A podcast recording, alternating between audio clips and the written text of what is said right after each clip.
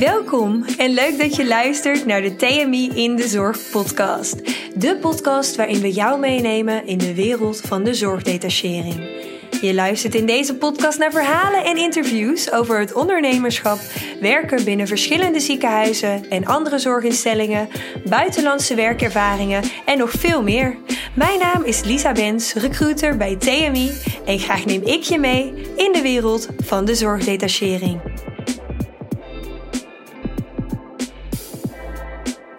In deze aflevering gaan we in gesprek met Lex Tabak. Lex is al sinds 2006 nauw betrokken bij de ontwikkelingen van de ZZP'ers in de zorg. Als oud-verpleegkundige en ervaren ZZP'er deelt hij zijn kennis over alles wat er komt kijken bij het ZZP-schap op zijn website zzp'erindezorg.nl. Daarnaast zet hij zich al meer dan 15 jaar in voor de belangen van de ZZP'ers in de zorg. En in deze aflevering vertelt hij je alles over het starten als ZZP'er, de wet en regelgeving en de aankomende WTZA-regeling.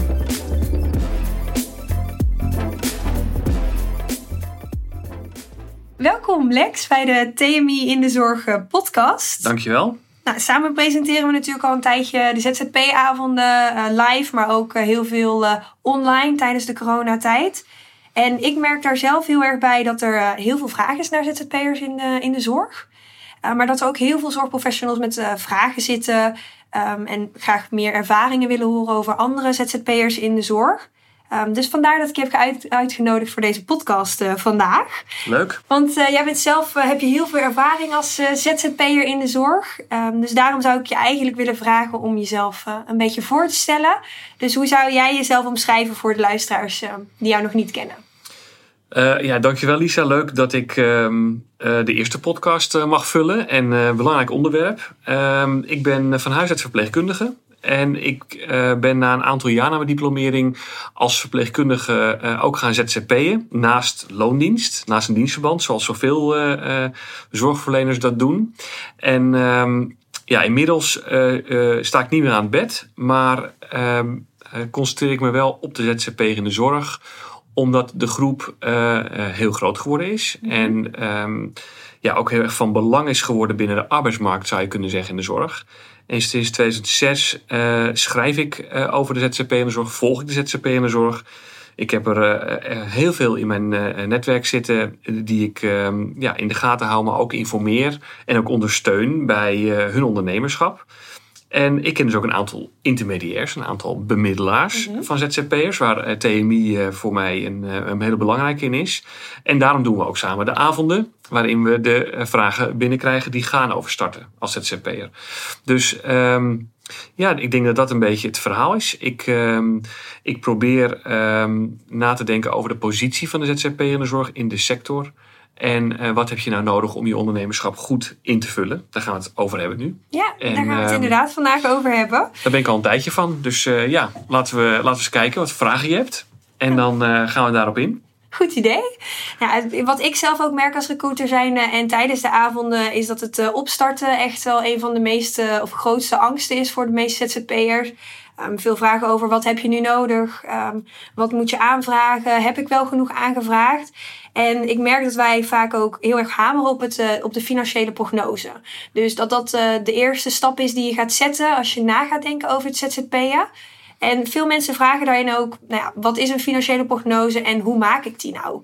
Dus wat zou je daarin uh, kunnen meegeven voor de startende ZZP'ers? Ja, er zijn wel een paar dingen over te zeggen. Want je, in feite ga je natuurlijk echt op een hele andere manier om met je geld. op het moment dat je ZZP'er wordt. Bij loondienst krijg je netto een salaris aan het einde van de maand. Wordt allemaal voor je geregeld. Aan het einde van het jaar een jaaropgave. Nou, al die dingen heb je niet meer. Je hebt geen salaris meer, maar je hebt omzet. En je hebt geen uur, loon meer, maar uurtarief. En daarnaast gaan er andere belastingregels spelen. Omdat je namelijk ja, zelf zegt, ja, ik wil graag ondernemer zijn, beste belastingdienst. En dan zegt de belastingdienst, dat is prima, maar dan, ja, dan heb je daar wel een aantal dingen voor te organiseren. En een van die dingen is dat je een soort financiële planning maakt, althans dat is wat ik altijd adviseer, om te kijken van, um, nou ja, hoe hou ik regie op die financiën? Waar komt het op neer? Nou, in de praktijk, als je uh, aan het einde van het jaar je belastingaangifte doet, dan betaal je zo'n 35 tot 40 procent belasting over het geld wat je al binnen hebt gekregen op je rekening. Dus Ja. je krijgt op een zakelijke rekening uh, je omzet binnen, je facturen worden betaald. En ja, daar moet je wel een deel van reserveren. En mijn stelling is, hou zo'n 35, 40 procent apart als inkomstenbelasting. Daar ga je een aanslag over krijgen. Dat is de beruchte aanslag in de beruchte blauwe envelop. Ja. En, uh, en dan uh, is dat iets wat je moet kunnen betalen. Um, uh, belangrijk denk ik. ik heb namelijk ZZP'ers gezien. Ik heb ontzettend veel ZZP-verhalen natuurlijk meegemaakt de afgelopen 15 jaar. En er zijn ZZP'ers die hun bruto geld, hun bruto omzet, netto uitgaven. En dan heb je een fantastisch leven. Uh, je kunt heel ruimschoots al je dingen doen. Je kunt van alles kopen en je hebt heel veel tijd voor luxe vakanties. Totdat die envelop komt. Want de Belastingdienst ja, die houdt namelijk niet zo heel veel rekening met je uitgavenpatroon. Die zegt, ja, jij wilde graag ondernemer zijn, dus we willen ook graag onze inkomstenbelasting. Ja.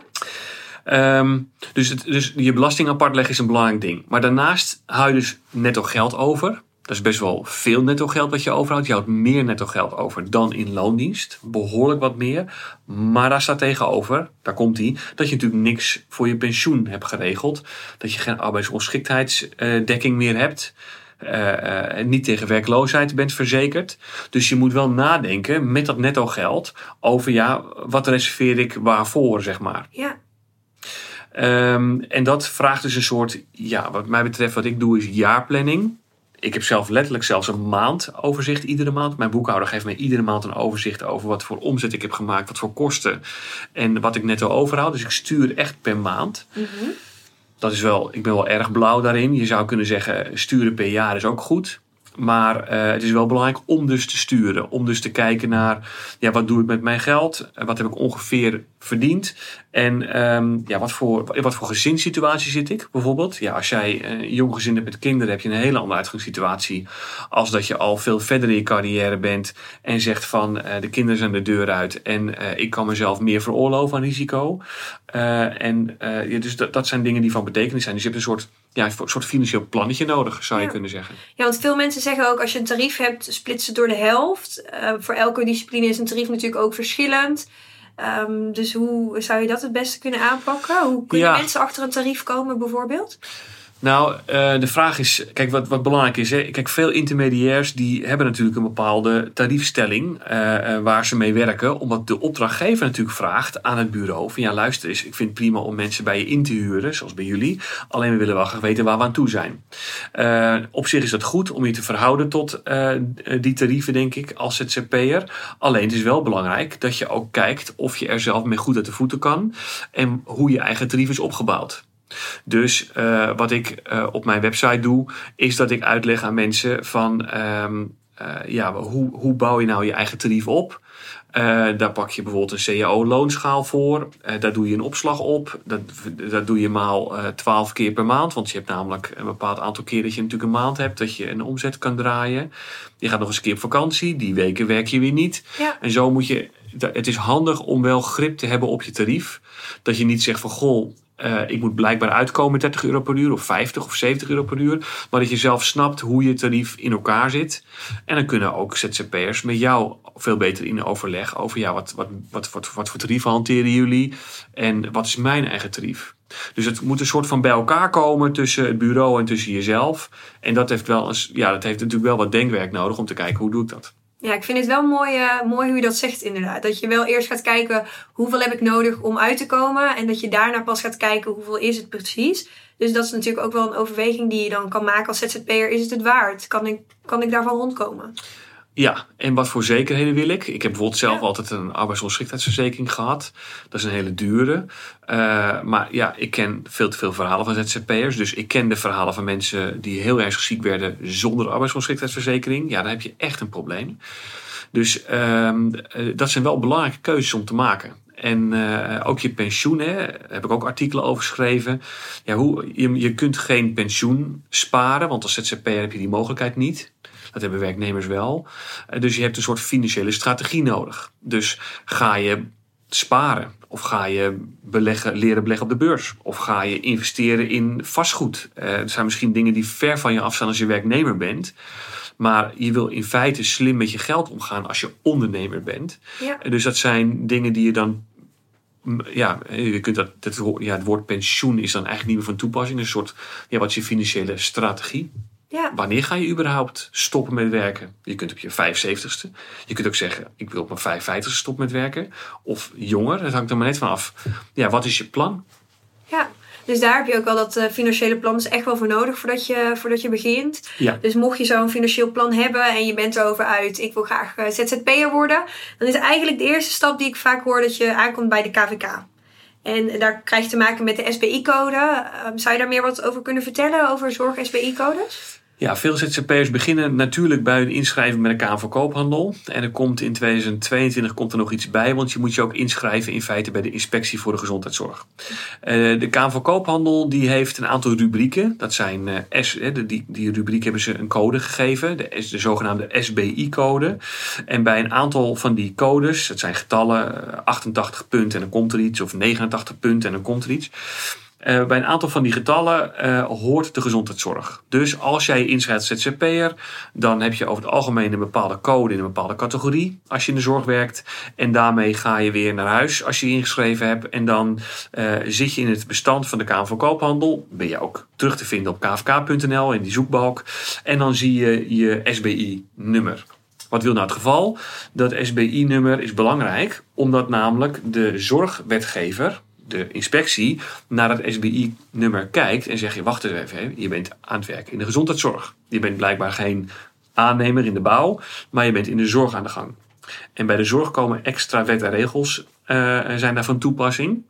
Ehm, en wat er dus in feite gebeurt, is dat het bestand van de KVK een soort signaal afgeeft naar de inspectie maar ook een signaal afgeeft aan de Belastingdienst. Van hé hey jongens, we hebben een nieuwe ondernemer. Die zit in die en die SBI-code. Dus de Belastingdienst zegt pling. Je krijgt nu een brief thuis. Welkom Lex, je bent ondernemer. Geweldig. Eh, en wij zijn, er nu, eh, eh, wij zijn nu op zoek naar hoe jij de aankomende jaren je aangifte gaat doen. En er gaat een, een, een e-mailtje naar de inspectie ping. We hebben nu Lex, die is ZZP in de zorg. En dan zal de inspectie zeggen: Lex, je hebt je wel te melden bij de inspectie. Dat is dus vanaf 2022 verplicht. Is tot en met 2021 optioneel. Maar vanaf volgend jaar wordt die verplicht. En dan moet je je in feite melden. eh, waardoor je in feite ja, als een soort ondernemer in die zorgsector ja, wordt geplaatst, zou je kunnen zeggen. En je dan bekend bent als een ZZP'er in de zorg. Ja, want dat is wel interessant voor de huidige ZZP'ers natuurlijk die al ingeschreven staan. Dus daar wil ik dadelijk nog wel even over ja, praten wat voor hen nog van belang is om dan eh, ja, als bestaande ZZP'er ook eh, waar je dan aan moet denken. Want eh, ja, als je de goede SBI-code hebt, kom je tien dagen later, komt dan ook de BTW-brief in de bus. Ja, Ehm, hoe zit dat met zorg-ZZP'ers en BTW-aangifte? Ja, dat is een belangrijk eh, onderwerp waar ook veel onduidelijkheid in instantie over is. Omdat namelijk het, het eerste beeld is vaak dat mensen zeggen: ja, ik, ben, ik werk in de zorg, dus ik ben BTW vrijgesteld. Zo is het helaas niet. Het heeft te maken met eh, je opleiding, het werk wat je doet. En het heeft te maken met hoe je werkt. Ook via je bureau. Werk je, eh, hoe, dus hoe is de samenwerking, hoe verloopt de samenwerking met jouw bureau? Ik zal daar zo wat over vertellen. Waar het op neerkomt is dat iedereen in feite een brief krijgt eh, van de Belastingdienst over het algemeen, waarin staat, eh, wat iedere ondernemer ook krijgt, is ja, wat ga je doen met je BTW? En als ondernemer kun je, eh, als je in de zorg werkt, vrijstelling krijgen van je BTW. Dus daarmee heb je een soort ja, tijdelijke gunning, zou je kunnen zeggen, waarmee je geen BTW in rekening hoeft te brengen. Komma, mits je natuurlijk wel eh, echt zorg levert. Want stel dat ik mezelf als teamleider verhuur en ik niet in de zorg werk, dan ben ik niet BTW vrijgesteld. Als ik mezelf als verpleegkundige verhuur en ik werk aan het bed, ehm, dan ben ik wel over het algemeen BTW vrijgesteld. Dus de activiteiten die je doet, als ik scholing geef, is dat vaak BTW belast. Maar als ik dus echt in de praktijk sta, is dat weer BTW-vrij. Dus je, moet, je kunt niet zomaar zeggen: ik werk als ZZP'er in de zorg en ik ben dus BTW vrijgesteld. Je moet dus goed kijken naar de opdracht die je hebt en kijken van hoe. ehm, nou ja, is dat, he- heeft, dat een commercieel heeft het een commercieel element in zich of niet? Oké, want heeft eh, de IBS-code daar nog mee te maken of de SBI? Eh, nee, de SBI-code die bepaalt niet of je BTW-plichtig bent of niet. Die zegt eigenlijk je bent ondernemer, prima. En uh, iedere ondernemer is btw-plichtig, tenzij je wordt vrijgesteld van de btw. Dus je gaat sowieso, uh, als je je inschrijft bij de KVK, met je SBI-code weglopen. En dan ga je ook iets te horen krijgen over de btw. Dus je kunt wel een SBI-code hebben in de zorg, maar dan nog steeds btw-plichtig zijn. Absoluut. Zeker. Absoluut. Want je hebt naast uh, ja, deze verplichtingen eigenlijk nog meer verplichtingen natuurlijk uh, als ondernemer van de inkomstenbelasting. Um, daar heb jij zelf altijd een heel mooi verhaal over tijdens onze ZZP-avonden. Want ja, wat, waar moet je nu aan voldoen als je jezelf IB-ondernemer wil Ja, klopt. Dat is een belangrijke term die je noemt. Je, je wordt al ervaren, want je hebt inmiddels nu een paar keer die prestatie gehoord. op het moment dat jij um, ZZP'er wordt, dan zeg je eigenlijk tegen de Belastingdienst: Ja, ik uh, beloof plechtig dat ik me ga houden aan de spelregels van ondernemerschap. En wat heel belangrijk is, dat heb ik ook al talloze keren gezegd, jij hebt de bewijsplicht. Dus je, je kiest er zelf voor om buiten dienst te werken. Dat je niet meer in loondienst wil zijn, prima. Je kiest er zelf voor om te zeggen, ja, ik wil graag ZZP'er zijn. Ondernemer voor de inkomstenbelasting, IB-ondernemer wordt dat genoemd. Prima, zegt de Belastingdienst. Moet je doen. Alleen, je hebt je wel aan de spelregels te houden die daarbij gelden. Want aan het einde van, van het jaar wil je graag als IB-ondernemer de zelfstandige aftrek opvoeren. Je wil graag de starterskorting hebben, omdat je net begonnen bent. Je wil graag de MKB-vrijstelling. Een aantal fiscale voordelen wil je hebben. Prima, zegt de Belastingdienst. Daar zijn, dat, is, dat is mogelijk, comma, als je aan de spelregels voldoet. En wat zijn dan precies die spelregels? Nou, die spelregels, die, uh, ik hanteer er altijd tien. Ik heb ooit een keer tussen 2006 en vandaag uh, een lijstje gelezen waarvan ik dacht van wauw, dat is echt wel overzichtelijk. En dat lijstje dat bestond uit uh, tien regels die voortkwamen uit alle rechtszaken. Dus er zijn ontzettend veel rechtszaken gevoerd tussen de Belastingdienst en ZZP'ers. Belastingdienst zegt, je bent geen ZZP'er. En de ZZP'er zegt, ik ben wel ZZP'er. En de rechter heeft daar dingen over geroepen. En als je al die dingen in een blender stopt en je schudt heel hard, dan komen er een soort van tien spelregels uit. En die tien spelregels, die, die hou ik eigenlijk altijd aan als ik, mensen, um, als ik mensen uitleg over wat het is om ondernemer te zijn voor de Belastingdienst. En die spelregels hebben te maken met hoeveel risico loop je. Die spelregels hebben te maken met ga je echt investeren? Loop je echt risico als ondernemer? Dat hoort er namelijk bij. De rechter kijkt daar dus naar. Hoeveel uren investeren in je onderneming? Uh, hoeveel, hoeveel klanten heb je? En uh, valt er wel eens een klant weg? Is er niet één klant die 90% van al je omzet bepaalt? Of heb je juist een beetje een mooie mix? Nou, die 10 spelregels, die, um, ja, als je daar ongeveer aan alle 10 aandacht geeft, dan heb je een hele grote kans dat je ZZP'er in de zorg bent. En ik zeg expres niet, dan weet je zeker dat je ZZP'er in de zorg bent. Want wat blijkt, wat blijken alle ZZP'ers, het blijkt nooit precies vast te staan wanneer je het goed doet. Het is altijd ongeveer.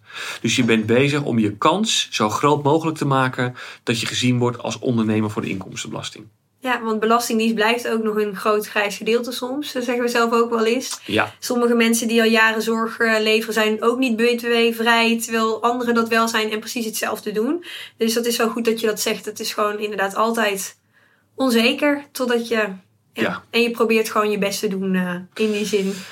Ja, de Belastingdienst die controleert natuurlijk ieder jaar uh, honderden uh, dossiers binnen de zorg ook van ZZP'ers. dat gebeurt. Um, en soms ontstaat een discussie. Dat kan ook gebeuren. Dat de ZZP'er zegt: Ja, ik heb me echt aan de spelregels gehouden. En de Belastingdienst zegt: Ja, dat vinden we echt van niet. En het kan ook zo zijn dat je zelfs een rechtszaak moet voeren. Dat komt voor. De vraag is of je daar heel erg van wakker moet liggen. Want het is gewoon in feite een kwestie van wetgeving. En een kwestie van: ja, heb je nou op een goede manier je bedrijf vormgegeven? En mijn advies is vooral: investeer in het, in het lezen van.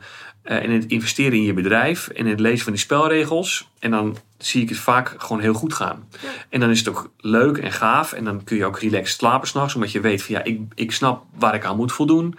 En dan, ja, dan is het een heel mooi ding, denk ik. En als je daaraan voldoet, noemde je net al een paar voordelen. Ik hoor altijd heel vaak over de magische 1225 uur. Ja. Dat is uh, een van de voordelen. Zou je daar wat meer uh, over kunnen uitleggen? Nou ja, we zijn natuurlijk als mensen heel erg gericht op hele concrete informatie. Hè? Dus, dus er is inderdaad een spelregel die zegt je moet 1225 uur per jaar werken in je onderneming. Dus daar richten we ons dan op. Maar dat is een van de tien regels en niet de enige. Je hebt ook een andere regel. Ja, als je drie klanten hebt of meer, dan ben je ondernemer. Nee, dat is niet het geval. De hoeveelheid klanten is belangrijk, maar in die mix van tien. Als je aan die tien voldoet, dan heb je recht op een aantal voordelen. Dus ehm, de keuze of jij IB-ondernemer wil zijn, is aan jou. Mits je dus aan die tien spelregels voldoet. Hoeft niet. Je mag ook zeggen aan het einde van het jaar: ja, ik ga er niet op gokken. Ik doe dit, ik, ik heb mijn omzet gehaald, maar ik ga daar gewoon inkomstenbelasting over betalen zonder aftrekposten. Dat kan ook. Dan zeg je: ik ben geen ondernemer voor inkomstenbelasting. Ik heb gewoon nevenwerkzaamheden. Ik heb wat extra's verdiend. Belastingdienst laat mij daar belasting over betalen en dan praten we nergens meer over. Dat kan. Maar als je zegt: ik wil, inkom, ik wil ondernemer zijn voor de inkomstenbelasting, prima. En ik heb die tien spelregels gevolgd, prima dan heb je te maken met uh, het feit dat je voordelen hebt. En dat maakt het ZZP-schap ook zo netto zo voordelig. Ja. Dus dan heb je een soort aftrekposten. Je hebt een soort bedragen die je mag aftrekken van het bedrag wat je aan belasting hoort te betalen. En dan zie, dan zie je dat dat fors oploopt. En dan zie je dus ook dat daar ook het netto verschil groot door. Dus mensen die aan die spelregels voldoen, zie je echt netto veel meer geld overhouden dan in loondienst. Ja. Logisch, want er zit geen WW, wetwerkloosheid in, er zit geen pensioen in, er zit geen arbeidsongeschiktheid in. Um, maar dat maakt het zo financieel aantrekkelijk op het Ja. eerste gezicht. En daar verder op in te haken, zoals je al zegt, arbeidsongeschiktheid, ehm, is natuurlijk ook belangrijk dat er meerdere kosten komen aan het ZZP-schap, eh, zoals verzekeringen. Waar moet je daarbij rekening houden? Ja, er zijn een paar dingen die je, die je echt wel nodig hebt. Eh, Je bent zorgverlener, dus je hebt een beroepsaansprakelijkheidsverzekering nodig. Dat wil zeggen, eh, als ik als verpleegkundige een fout maak, dan eh, wil ik wel dat ik beschermd ben tegen dingen. En je hebt een bedrijfsaansprakelijkheidsverzekering. Als ik als verpleegkundige een mingfase omgooi, dan wil ik ook daarvoor verzekerd zijn. Dus een beroeps- en bedrijfsaansprakelijkheidsverzekering is echt, echt van belang. eh, en is ook eh, verplicht. Je hoort die aansprakelijkheid ook geregeld te hebben. Dus dat is eigenlijk de basis, zou je kunnen zeggen. Ehm, daarna, daarbovenop komen natuurlijk allerlei ja, een soort van individuele keuzes die je maakt. Wil je arbeidsongeschiktheidsverzekering? Ja of nee? Eh, wil je rechtsbijstandverzekering? Ja of nee? Ehm, eh, hoe zit het met de aansluiting op je beroepsorganisatie bijvoorbeeld? Eh, zo zijn er dus een aantal, een brandsorganisatie kun je. Zo zijn er een aantal producten en diensten waar ontzettend veel aanbieders voor zijn, waar je uit kunt kiezen. En ja, je bent een heel interessante persoon als je een ondernemer wordt. Want dat betekent ook dat je reclame gaat krijgen van partijen die allemaal iets met je willen. Omdat namelijk eh, zij hun producten kwijt willen aan ondernemers. En geloof het of niet, je bent dan dus een ondernemer. En je bent dus, ja, je stapt in het domein waarin je een soort van ja, verleid wordt om allerlei producten en diensten af te nemen. Dus dat is een onderdeel van de kosten die je maakt. Eh, wat belangrijk is om te zeggen is dat het maken van kosten eh, echt wel hoort bij ondernemerschap. Want je vindt het op zich ook wel prettig als je een stucadoor thuis krijgt die een degelijk busje heeft met mooie spullen en zo. Toch? Ik bedoel, als je een super afgeracht busje voorbij ziet komen, denk je van ja, oké, laat maar zitten. Dus het investeren in je onderneming wordt ook gezien als iets ondernemends. Ook de Belastingdienst die gaat kijken ja, naar, naar ja, wat, wat heb je nou eigenlijk geïnvesteerd. En waar nou juist het moeilijke zit, is dat voor ZZP's en zorg het niet altijd makkelijk is om goed te investeren, want ze zijn hun product. Dus wat ik altijd aanraad is investeer ook in scholing. Uh, uh, investeer eens in een, uh, een goede computer bijvoorbeeld. Of in materialen of middelen die je gebruikt tijdens het werk. zorg ervoor dat je juist bewust investeert. En ik kom ZZP'ers tegen die zeggen... ja Lex, ik vind de 80 euro voor mijn beroepsorganisatie al een hoop geld. Ja, dat is niet helemaal wat je wil horen als je ondernemer bent. Want je wil juist op zoek naar bewijsvoering...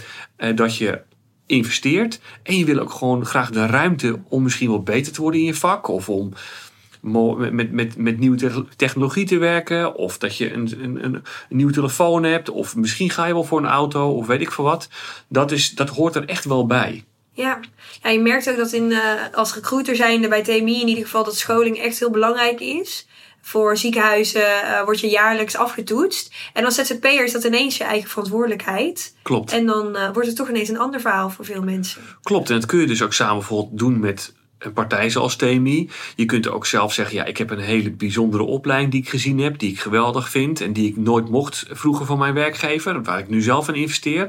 Dat kan, want al die kosten zijn allemaal aftrekbaar. Hè? Dus je hebt, je hebt, je hebt, ja, het zijn kosten die je van je omzet af mag halen, zeg maar. Dus het is ook interessant om dat te doen. Ik heb zelf ook ontzettend veel geld de afgelopen 20 jaar dat ik nu ZZP'er ben, uh, uitgegeven aan opleidingen, omdat ik het geweldig vind om op die manier ja, ook aan mezelf te werken. Maar dat is maar net, ja, waar krijg je energie van? Um, maar het zijn aftrekbare kosten, dus het is ook leuk om te doen. Maar het is ook voor de ZZP'er in de zorg belangrijk om te doen, omdat de Belastingdienst ook ja, een beetje fronst altijd van ja, maar die ZZP'ers uh, investeren die wel echt. En ja, daar ligt dus een kans, denk Ja. ik. Ja, en naast die verzekeringen is er ook zoiets als een klachtenregeling. Daar hoor je heel veel dingen over. Ehm, nu ben jij daar ook eh, mee bezig, heb ik begrepen. Ja, dus, dus ehm, wat, we, hebben het nu in feite al over twee van de drie dingen gehad waar we het misschien over moeten hebben. We hebben het gehad over de zorgverlener die je bent. En die blijf je ook. En we hebben het ook gehad over de ondernemer die je bent. Daar komen spelregels bij kijken. En nu moeten we het misschien hebben nog over de zorgaanbieder die je bent. Want je bent in feite een zorgorganisatie in je eentje. En die regels die waren al vrij scherp. Maar die, die worden vanaf 1 januari 2022 nog scherper. In feite zegt uh, de inspectie uh, van we willen dat je je inschrijft. En we willen eigenlijk dat je bevestigt dat je aan de regels van de zorg voldoet. En dat is niet alleen bevoegd en bekwaam mee. Dat is niet alleen je diploma's. Je hoort een klachtregeling te hebben. En je hoort een kwaliteitssysteem te hebben. Dat is eigenlijk wat de spelregels, als ik het heel kort samenvat, stellen. En um, uh, die twee dingen, uh, die, die, combinatie van die twee dingen, die bied ik uh, aan ZZP'ers de zorg via zzp'erenzorg.nl. Um, en er zullen meerdere aanbieders zijn die dit soort producten en diensten gaan aanbieden. we zijn vanwege het kwaliteitssysteem wel de eerste die dit straks neerzetten, omdat die WZA eraan komt. maar het is wel belangrijk dat je dus nadenkt over. Um, ja, hoe ga ik ervoor zorgen dat ik aan die WTZA voldoe? Want die komt eraan. En uh, waar is die nou voor bedoeld? Nou, de wetgever zegt. Uh, als in loondienst ben je gewoon zorgverlener, prima.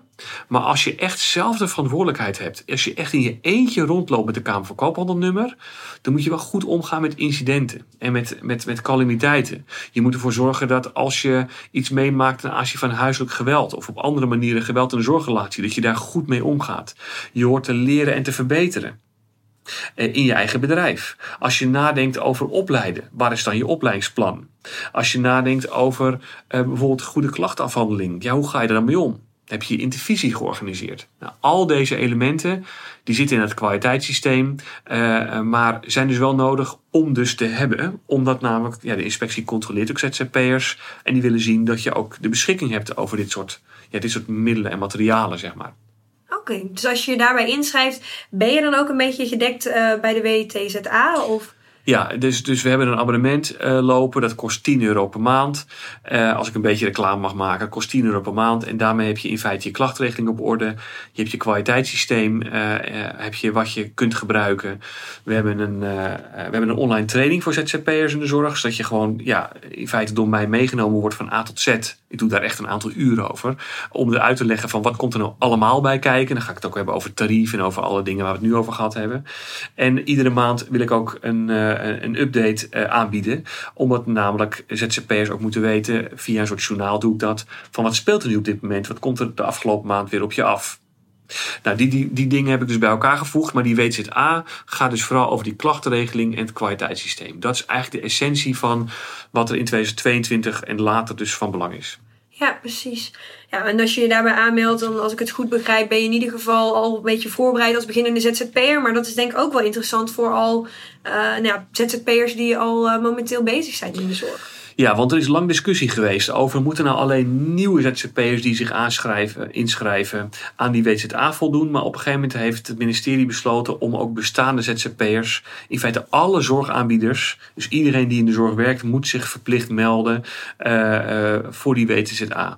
Dus die WZA, die klachtenregeling, maar ook het kwaliteitssysteem is verplicht voor bestaande en voor nieuwe ZZP'ers in de zorg. Dus dat is wel, het is echt, um, echt wel even anders dan het was.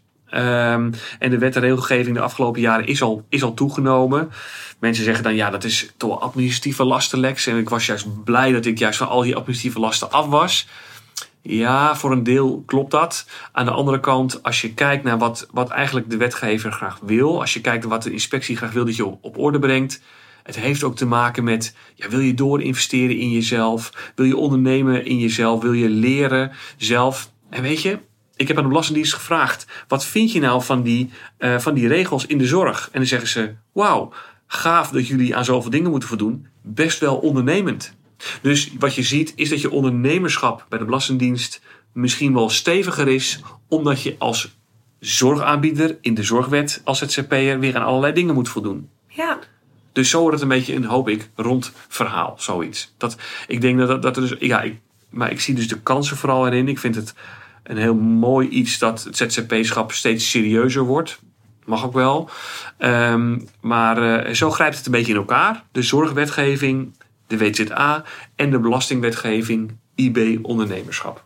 Ik denk ook dat het heel erg fijn is als je alles op één plek kan vinden. je hebt natuurlijk heel veel ZZP-informatie, uh, dingen op de KVK zelf. Um, inderdaad, ik volg jouw blog zelf ook. En daar merk je wel dat daar inderdaad alle actuele dingen worden aangesneden. Wat heel erg fijn is als je op de hoogte uh, wil blijven over inderdaad alle verschillende dingen die uh, spelen. Dankjewel, dankjewel. Dus ik denk ook wel dat je daar ja, een verdiepend iets in hebt. En dat, ja, dat klinkt wel goed, vooral als beginnende ZZP'ers, om daar een kijkje naar te nemen. Want wat zou je startende ZZP'ers nog willen meegeven? Want naast het hele verhaal wat je vertelt, uh, het is natuurlijk heel belangrijk om aan al deze dingen uh, te voldoen. Heb je nog uh, verdere tips en tricks? Ja, het belangrijkste denk ik is vooral dat je je echt even goed aan de voorkant voordat je start informeert. Dat je echt even goed inleest. En uh, mensen kunnen mij altijd bellen of mailen met vragen. Ze kunnen ongetwijfeld ook jullie altijd vragen van hoe zitten dingen. Maar hoe beter je een beeld hebt voordat je die stap maakt, uh, hoe meer ellende je voorkomt. Want nogmaals, ik heb best wel wat verhalen, natuurlijk hele goede verhalen van ZZP'ers meegemaakt, maar ook wat kwetsbare verhalen. En dan zeggen mensen eigenlijk ja, achteraf kom ik er pas tijdens het ZZP-schap achter wat het eigenlijk precies betekent. En ik denk dat als je wat meer aan de voorkant investeert, gewoon even wat uurtjes gewoon leest en bladert op websites. En er zijn zoveel bronnen dat je een soort beeld krijgt van: hey, past dit voldoende bij mij? Ben ik bereid om met die, met die, met die, met die financiële begroting aan de gang te gaan? Ben ik bereid om aan de wet en regelgeving te voldoen van mijn ondernemerschap en van de zorg? Ja, ik denk dat dat iets is wat ik vooral mensen op het hart vaak druk. Van uh, investeer gewoon wat tijd even in het soort van ja, wegwijs maken. Want we gaan nu als een razende ook door deze onderwerpen heen, maar ze zijn gewoon van belang. En de, in de Belastingdienst kan langskomen en de inspectie kan langskomen. Dan, dat, dat, dat, dat zijn gewoon dingen waar je niet s'nachts van wakker moet liggen. Je moet gewoon lekker lol maken en ruimte ervaren en gave opdrachten doen, want het is een super ding. Alleen uh, ja, zorg ervoor dat je de basis een beetje op orde hebt. ZZP is natuurlijk ook wel maatwerk. Dus het is inderdaad één podcast luisteren is een goed begin. Is, uh, dan weet je waar je aan kan starten. Je weet dat je gewoon een KVK nodig hebt. Dat je nu je BTW-nummer ontvangt tien dagen na je inschrijving. Je weet dat je bepaalde verzekeringen moet hebben. Maar ja, welke passen nu bij jou? Dat moet natuurlijk ook uh, toegespitst worden per ZZP'er uh, nou, individueel. Dat je een klachtenregeling nodig hebt. Nu weten ze in ieder geval waar ze hem alvast kunnen vinden bij ZZP'er in de zorg. En dat je inderdaad gewoon een goede financiële prognose maakt. Want iedereen heeft andere uitgaves. Iedereen heeft andere uh, verwachtingen. Um, en daarvoor is zo'n oriënterend kennismakingsgesprek ook wel goed. Zodat je echt uh, op jouw eigen um, persoonlijke situatie kan inhaken. Um, dus dat zou eventueel ook nog een optie zijn uh, na dit gesprek. Maar ik denk dat we met, uh, met deze podcast al goede inzicht hebben gegeven voor startende ZZP'ers. Um, zou je nog iets willen meegeven voor momenteel ZZP'ers die juist hebben geluisterd, al lang ZZP'ers zijn en echt met de handen in het haar zitten over de WZA, WTZA? Ja, de WZA is wel even een, een, echt wel een nieuw element. Hè? Dus dat, is, dat vraagt wel even iets van je om dat op orde te brengen. Dus um, ja, lees je in. Uh, op de website die ik heb, heb je ook een zoekbalk in het blog zitten. Als je WZA intoetst, dan heb je gelijk alle artikelen die ik erover geschreven heb. Het is op zich goed te doen. Um, en het maar het vraagt wel iets over, goh, hoe ga ik mijn bedrijf aan de gang? Um, ja, ook daar geldt eigenlijk voor, investeer gewoon wat in, goh, wat gebeurt er nou precies? En wat bedoelt eigenlijk naar de wetgever nou precies? De inspectie zal nooit zeggen, je moet alles 100% op orde hebben en je moet alle vinkjes precies goed zetten. Wat ze willen zien is dat je gewoon de beweging snapt van je bent in je eentje als solist werkzaam als ZZP'er in de zorg. Dus ja, je bent best wel met risicovolle dingen bezig. En je hebt met kwetsbare cliënten te maken, met patiënten te maken. Dus neem die verantwoordelijkheid. Dat is eigenlijk wat de inspectie zegt. En um, ze proberen daar via wetgeving je naartoe te bewegen. Ja, als je dat een beetje serieus neemt en daarnaast de ruimte ervaart van het ondernemerschap, dan heb je echt hele gave weken. Absoluut. Ik vind het zeker wel een mooi, uh, mooi standpunt. Dus ondernemen inderdaad met, met, de juiste, uh, met de juiste kennis. Maar heb er vooral ook veel plezier in. En dan uh, moet het vast wel goed komen. Ik wil je in ieder geval heel erg bedanken voor je komst vandaag, Lex. Ik denk dat heel veel ZZP'ers hier heel veel profijt van hebben. En ik denk dat wij in de toekomst nog wel een keer zullen zitten over alle, alle dingen die, die in dat ZZP-land spelen ook. Dankjewel Lisa, hartstikke leuk. Leuk dat Theme hier ook de podcast uh, opneemt. En uh, ik doe graag mee als het nog een keer uh, nodig is. Graag. Leuk, nou hartstikke bedankt en tot de volgende keer. Tot de volgende keer. Super leuk dat je weer luistert naar een aflevering van de TMI in de Zorg podcast. Wist je dat je snel en simpel een review kan achterlaten om te laten weten wat je vindt van deze podcast? Of wil je voortaan op de hoogte gehouden worden van alle nieuwe afleveringen achter elkaar? Klik dan op de button subscribe en abonneer je op deze TMI in de Zorg podcast. Ben je door deze podcast nu enthousiast geworden en ben je benieuwd naar de mogelijkheden voor jezelf? Volg ons dan op Facebook of Instagram of meld je aan voor een oriënterend kennismakingsgesprek via www.tmi.nl.